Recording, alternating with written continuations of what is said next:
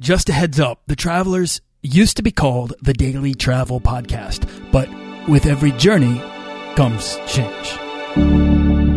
This podcast is produced by Holocene, a community of creative travelers. If you want to get serious about planning that next trip, writing that book, starting that creative project, or launching that business, we're breaking down the barriers between where you are where you want to be together at joinholocene.com. That's join, H O L O C E N E.com. This is episode number 10, part two of my conversation with Jody Ettenberg. Do you want to travel further and more often to visit new places and meet new people and expand the role that travel plays in your life? I'm your guide, Nathaniel Boyle, an explorer that wants to help you get out, see the world, and find meaningful, life changing experiences. Everyone wants to be adventurous and have great stories, to do the stuff of legend. This is the Daily Travel Podcast. Today's resource of the day is a website called statusmatcher.com, and I recently used them in order to find out whether or not I could be matched for the programs in which I already have elite status. So, for example, I have IHG Platinum Elite status. I wanted to stay with Kimpton, so I went to Status Matcher to find out if other people had successfully or unsuccessfully been matched. It turns out I was successfully matched, and I'm now a member of Kimpton's inner circle. So check out Status Matcher. I think you'll find it useful. And that's today's resource of the day. And all of the resources mentioned on this show can be found at dailytravelpodcast.com slash resources. I curate them from personal experience and the recommendations of all my guests who are amazing world travelers and industry experts. So whatever it is you need help with, there's a good chance there's something there that's got you covered. In yesterday's session, we discussed how Jody Ettenberg of LegalNomads.com, much like me, let her dream to take the Trans Siberian Railroad carry her away from corporate life and into a life of travel. And for anyone who's seeking more adventure in their life day to day to finally take that trip or have that experience and become an explorer of an amazing, amazing world, Jody is a shining example of how someone can make the decision to let travel become a greater priority in her life, have a profound effect on herself as well as the others she's inspiring every day, myself included. Have a listen to part one if you haven't already, or sit back and enjoy part two of my conversation with Jody Ettenberg from LegalNomads.com. Uh, food for me, straight up, is an adventure, and I kind of I hold that uh, very importantly in my life. The it's it started when I was a kid. My mother used to take me out for um, frogs legs. Like we'd go out to a restaurant, it would be like frogs legs night, and we'd do it like I don't know once every other month or something. And it was like this big deal for me because I was I don't know how old I was. I must have been like seven, maybe eight, and um, you know it was like everything else everything else was kind of like, uh, it's, it's, it's, it's okay. It's food. But then it'll be frogs legs night and it would be like, it would be like participating in this like small mini adventure. It was something kind of new every time. And I've continued to see food as this opportunity to, to find adventure in day to day living, uh, no matter where you are. Um, but I don't know. I mean, I don't know how, how that relates to, to kind of your, what you're doing, but I would say that it probably ties into street food, which I think most people find adventurous. And you've kind of written a book about. So here's my, here's my question for you now that I've rambled for anyone who's listening and is like, I don't get it. Why should I care about street food? Or maybe they're hesitant about street food, food stalls, carts, trucks. Like, how do you how do you address this problem, and how do you help people approach street food who aren't adventurous? Right. Uh, there are a few things. So when people say they're not adventurous, what that usually means is I'm worried about throwing up on you. Like they're worried about getting sick, and and when you look at cultures that are deeply tied into street food, like Vietnam, like Thailand, um, like a good part of Southeast Asia, a lot of South America, this idea that you're going to get sick is scary. But actually, I've never gotten sick from the street food in in Vietnam, and I've eaten everything. My first day here, some lady was like cutting up cow stomach on the street, and I was like, "Sign me up." My friends were like, "No, you just got here." I was like, "Yeah, cow stomach." Um, it was actually pork stomach. I learned, but that's fine. And then, and then, you know, telling people it's not just about the food think of it as a window into this incredible chaos and and ability to sit and to have as a tourist, you know, a scene unfold in front of you that is highly local. people talk about wanting authentic experiences. You know, sitting on the side of the street, watching traffic go by, watching the way the vendors interact with locals, people stopping to grab food on the way home. It's really not just about the food, right? It's it's food as a as a leverage spring or as a as a platform to soak in so much more about culture. I've not found any other thing in travel that compels locals to want to interact with you as much as enthusiasm for their food. You know, being invited to weddings and funerals and into people's houses and all these things come from the beginnings of that kind of interaction. And street food especially affords this wonderful scene that you get to watch. It's like slicing open a culture in the middle and then sitting and watching it unfold in front of you. It's really compelling. Sure, I completely. I mean, I completely get that, I, and I think you can get that kind of. You can get that anywhere. You can get that probably in your hometown. Um, I, so I, I eat street food every chance I get. Like I plan my trips around it more often than not. Mm -hmm. uh, I, I've had food poisoning about three times. Every time from restaurants. Sometimes yeah. from like high end steakhouses why is it that at least my perception, and maybe you can confirm this because I, I like to believe it's true, street food is actually less dangerous from a um, food poisoning risk standpoint?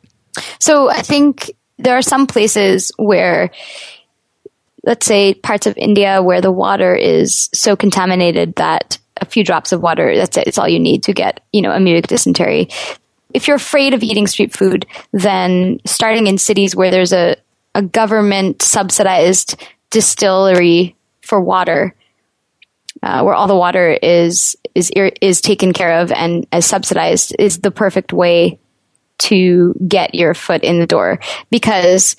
I have, I agree with you completely. You know, I've gotten sick from restaurants, from yogurt that was bought at 7-Eleven that was before its expiration date. That got me sicker than anything else in Thailand.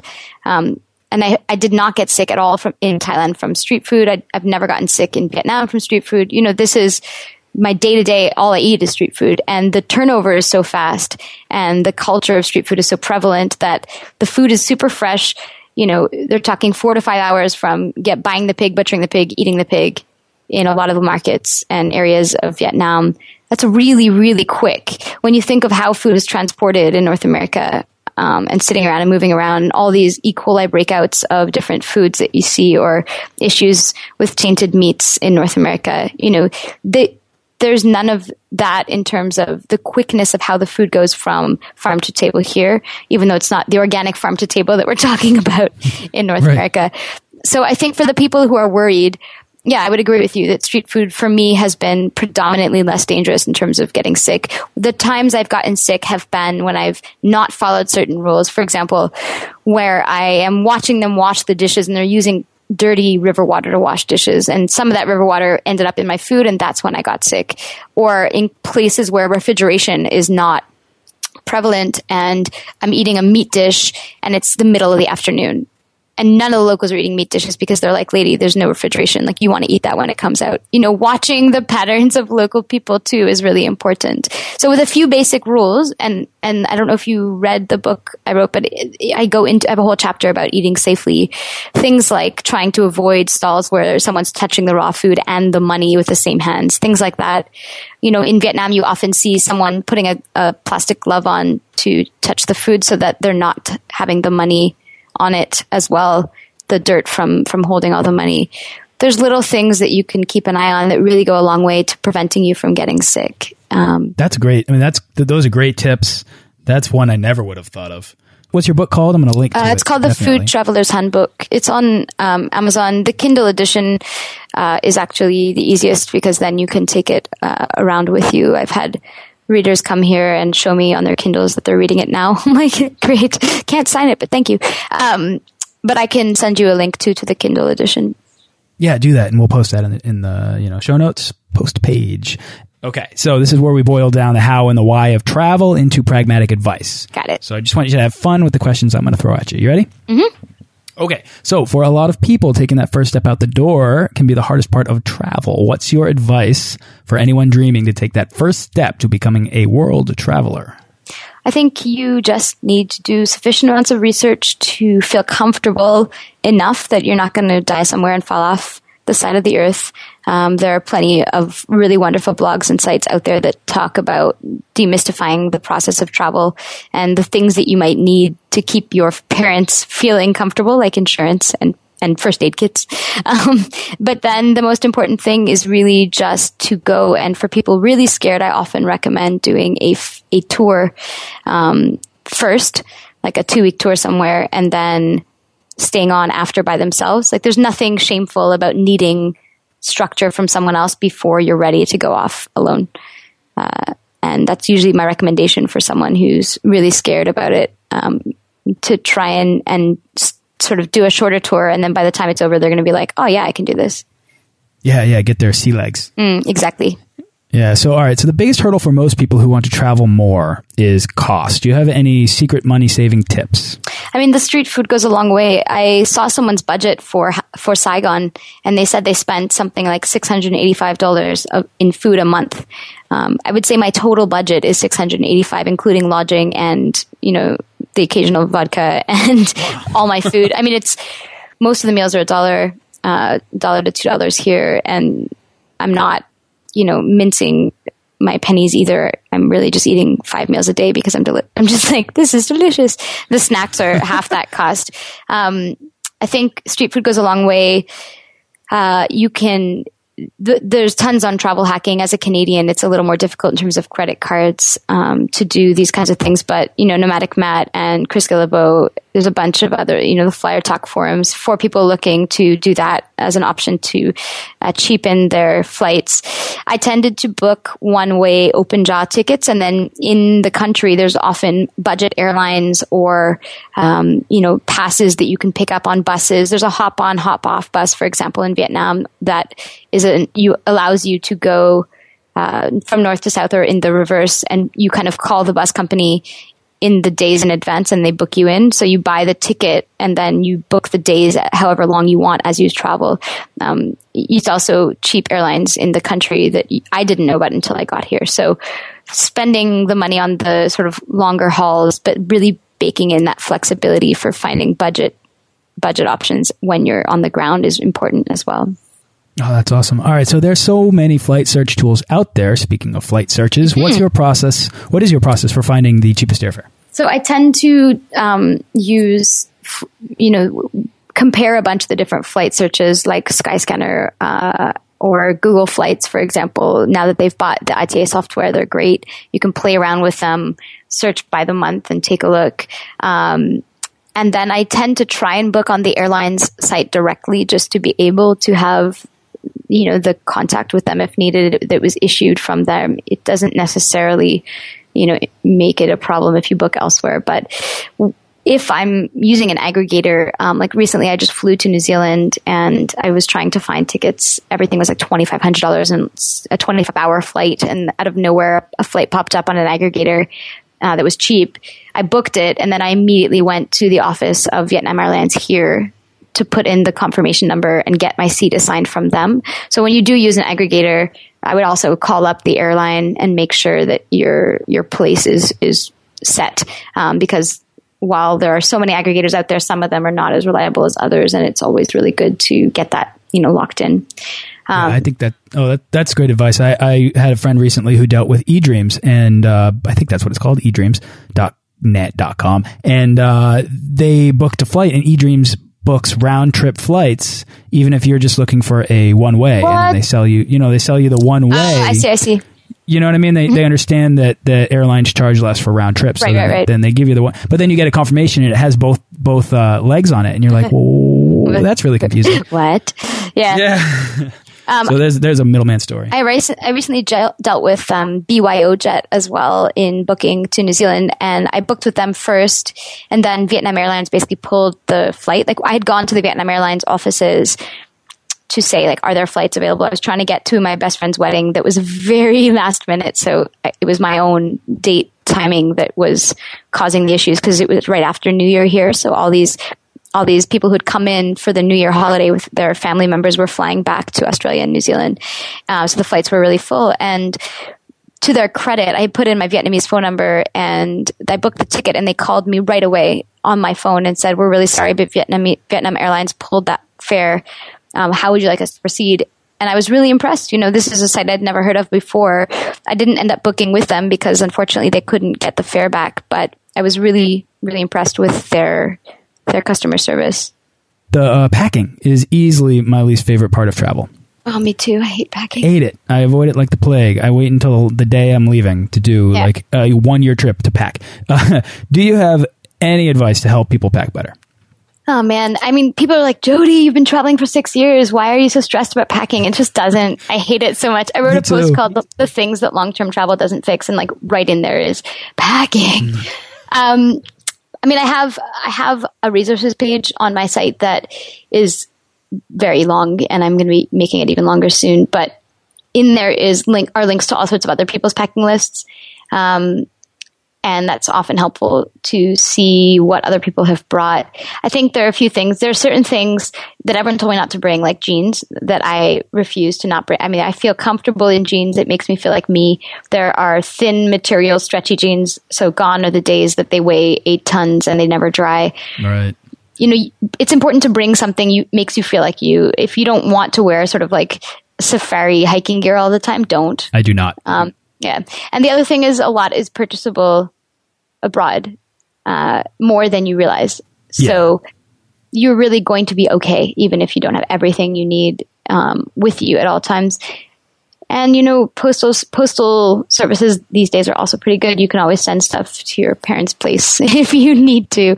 Um, my tips are basically just make a list. I have one on my computer for shorter trips, and then one for longer trips you can have a climate based list if you want, but having a list makes it easy to go in and modify it for whatever thing you need to do because then you've you've done the work already and you don't have to necessarily worry about what you're forgetting. Totally. My dad used to send me spreadsheet lists for packing for ski weekends. And That's adorable. yeah, it's like every little trip he'd have a spreadsheet and he'd send it to me and it would be like I'd have to go through and check it off. That's great. Someti- Sometimes he'd require I'd send it back just so he he'd feel confident that we'd have to wouldn't have to turn the car around to go back and get what I forgot. Right. That's insight into my forgetfulness as a kid. He's, Uh, he's making he's making his life easier too. that's right. Smart. He's smart. All right. Um, do you have a favorite internet travel tool or resource? man. Well, from just for learning, I mean, I, have been on Reddit for years. I've I've always enjoyed being on Reddit. Um, you know, the subreddit for Vietnam, the subreddit for certain types of travel. There's a lot of interesting information, and I've enjoyed also like sharing advice for people who ask questions from my own experiences. It's, it's interesting to interact with people who are looking to leave or who have more knowledge. Um, I I'm a big believer in not necessarily because this is you know my life now it's not like i'm on vacation i'm trying to disappear i want to make sure i stay up to date with uh, information from from home and abroad i don't want to be having this giant cultural blind spot you know if i if i come back home or if i'm traveling and news is happening so i'm a big advocate of twitter generally but i also uh, there's two newsletters the next draft newsletter from Dave Pell is incredible. And The Week, the magazine The Week, has a web, uh, an email that goes out during the weekdays called 10 Things That You Need to Know Today That Happened, basically. And it is just in number form and it's US skewed, but has a lot of world news as well. So together those two ensure that I'm not just missing on what's going on in the world at the same time as, as living abroad. Oh, that's cool. I'm going to check those out. Um, yeah, they're great. And then, yeah, there's tons of great internet uh, tools out there to learn whatever you need to know. Things like open culture, for example, um, or uh, just just fantastic pieces of journalism out there that are intellectually stimulating. And I think you know if you're if you're traveling and you're living a life that you're excited about, then that's no excuse necessarily to stop learning about all the other stuff out there. right, right. No, absolutely. I know I can get lost on open culture for extended periods. yeah, they're wonderful. Uh, all right. Do, do you have a favorite travel book? Uh, I have a lot of favorite travel books. I'm obsessed with, you know, s- how colonization changes the way we eat and how these threads between the stories of condiments and spices, um, ha- things like the war, the wars, the crusades, the, um, the spice wars generally, just how important those were politically and how now you can get spices like at Whole Foods and no one thinks really about how they people died for that a long time ago, you know. Um, so there's a book called Spice: The History of Temptation, which I love, and it goes into he really hates Columbus, which is hilarious. He really is like whatever until he died. He still thought he had found you know what he was looking for. Like this guy's an idiot. he um he was he fi- like, goes into a lot of the the torture as well that Columbus um, foisted upon the uh, native people that he encountered. Um, but it goes into a lot of the spice spice trade and the Crusades, partly being this desire to find spices because they believe that the Garden of Eden had spices and thus it would, you know, get them to paradise and just really interesting insight into the way that the, the, the Crusades changed what people thought of Roman cuisine. Like if you look at really old Roman cookbooks, they're actually not this giant gluttonous festival. It's very similar to how we use spices and sauces today, um, but it's been changed in terms of public knowledge because it was used as a tool to sort of discredit the empire. Just really interesting information um, that is important in a looking at the world in more of a meta way, right? Yeah, totally. I remember a book called Salt coming out maybe like a decade mm -hmm. or two ago. Is that the same yeah. author? No, uh, this is Jack Turner. Salt is Mark Kurlansky. He also wrote Cod, which is another wonderful book. Um, but it's a similar idea, except he's talking about spices generally in the book I recommended, and salt and cod are obviously like a one topic deal. And if you haven't already, you can get this book or any book mentioned on this show for free from audible.com by going over to freetravelbook.com. So check that out. Do you have a favorite piece of travel gear that you take everywhere you go? Um, I carry a few things that I talk about often. One is a safety whistle. Um, I've been chased by monkeys. It was really helpful in scaring them. And it's just good to have if you're hiking and everything else. I wrote about the monkeys part because I was, I didn't want it to be like a rah rah, I'm a solo female traveler. I have a whistle with me. You know, that's also an, a good reason to have it. But I was like, monkeys, people, they're evil. Carry your whistle. They're um, dangerous. They are. They suck, man. They like everything. stole my flip flop and threw it off a cliff. Like I'm just, I'm over you, monkeys. I am. Uh, I carry a sarong with me. I use it as a pillowcase when the pillowcase is sketchy, as a blanket, as a beach cover, as a whatever towel. Um, and I have a doorstop too, which I've written about um, in my in the very few writings I've done about solo female travel. But it's not just for women. You know, a friend of mine just had all of his gear stolen from his room and he's not sure if someone climbed into the window or opened the door somehow but having a doorstop you know f- to wedge your door closed from the inside is is a very good thing if you're in a guest house in a, in a private room um, just to give you extra peace of mind and hopefully wake you up if something awry is happening yeah, that's a good little tip. All right, Jody, the last question is one that I'm sure you get all the time. What's the weirdest thing you've ever eaten? um, I mean, what's weird to one person is not weird to another. The thing that threw me off the most was actually not weird in that it wasn't like, you know, stinky tofu, which I enjoyed, but was chicken pudding. Chicken pudding. Um, in Turkey, because it's so, it's like a, a bit of a mind because you're like, I'm eating pudding. It tastes sweet, but it's made of chicken. It's basically like blancmange, the old puddings they used to make, it's taking the breast meat and sort of beating it down and then mixing it with vanilla and milk and cinnamon, rose water sometimes, but rarely. It's basically this delicious baked cinnamon goodness, but you just wouldn't know there's chicken in it. So when you're eating it, you're like, this is a really heavy pudding. And then you're like, oh, it's chicken. That's why. That so yeah, I've never heard of anything like that that would include meat. Yeah, I'll send you the recipe. I found one online because I was like, this is ridiculous. I mean, it's not that popular in Turkey, but I became, when I decided, I'm like, this is something everyone needs. Anyone that went to Turkey, I was like, you must try this. Um, so it was like this great meal of gizzards, chicken gizzards and chicken soup and then chicken for dessert. Yeah, I mean, I know, I know the, uh, the Turkish food spices their meats in kind of a sweet way. Uh, maybe not consistently, but there are definitely dishes that have maybe that cinnamon sweetness to them. So maybe that's not completely atypical of Turkish food. Um, yeah, no, this is not a main dish. It's like it's really a dessert made of chicken. I'll send you. I'll send it to you for the show notes. Do it. It's yeah. um like I've had my snack tour here does you know includes you know something called phá lấu, which is lungs and kidneys and blood cubes in this amazing broth with Vietnamese coriander. To some people, that would be really weird, but that's just a street snack for kids here, and it's really good. But the thing that threw me the most was this chicken pudding. I love it. That's such a good answer. I'm never going to get chicken pudding for that question. Yeah, that's right. All right. me. Is there anything else you'd like to share before we wrap up? I don't think so. I think, you know, I'm always enjoy doing podcasts because it's really a fun way to talk to people and answer questions and, you know, an audience that's outside the site. And I think, yeah, if you, if this is something you want for yourself to go out and explore, then you can, you can usually go back to what you were doing, uh, even though society tells you you can't. There's always a way. Um, so it would be more exciting to go out and explore if you if you have the benefit of being able to do so. And then if it, if it's not something you enjoyed, then there's no shame. There's nothing wrong with going back to what you did or finding something new. Um, putting your extra pressure on yourself that this has to be what you love definitely just makes it harder on you to go out and and do this. Oh, I love it. I love it. Just, yeah, there's always a way to get back. All right, so what's next for you, Jody? Where's your next trip or what's your next project? Yeah, I'm based in uh, in Saigon for the time being. I came here for a few weeks last year and stayed five months, and so this year I came back again. Uh, I just went to New Zealand for that amazing wedding elopement of my best friend. She met a Kiwi man and was like, "I'm having a five person wedding, and you're one of the people. Come."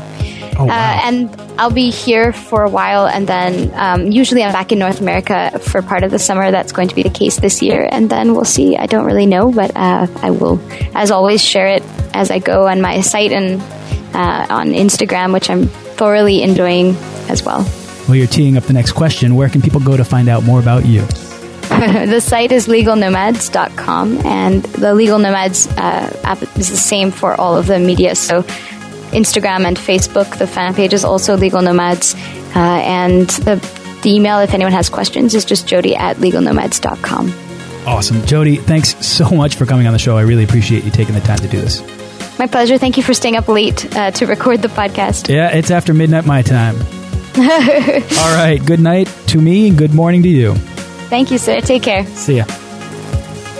Thanks for listening to this episode of the Daily Travel Podcast. For show notes and links to everything in this episode and more, head on over to dailytravelpodcast.com. Join our Facebook page of explorers and subscribe to our newsletter for the best deals and resources to help make your next trip life changing.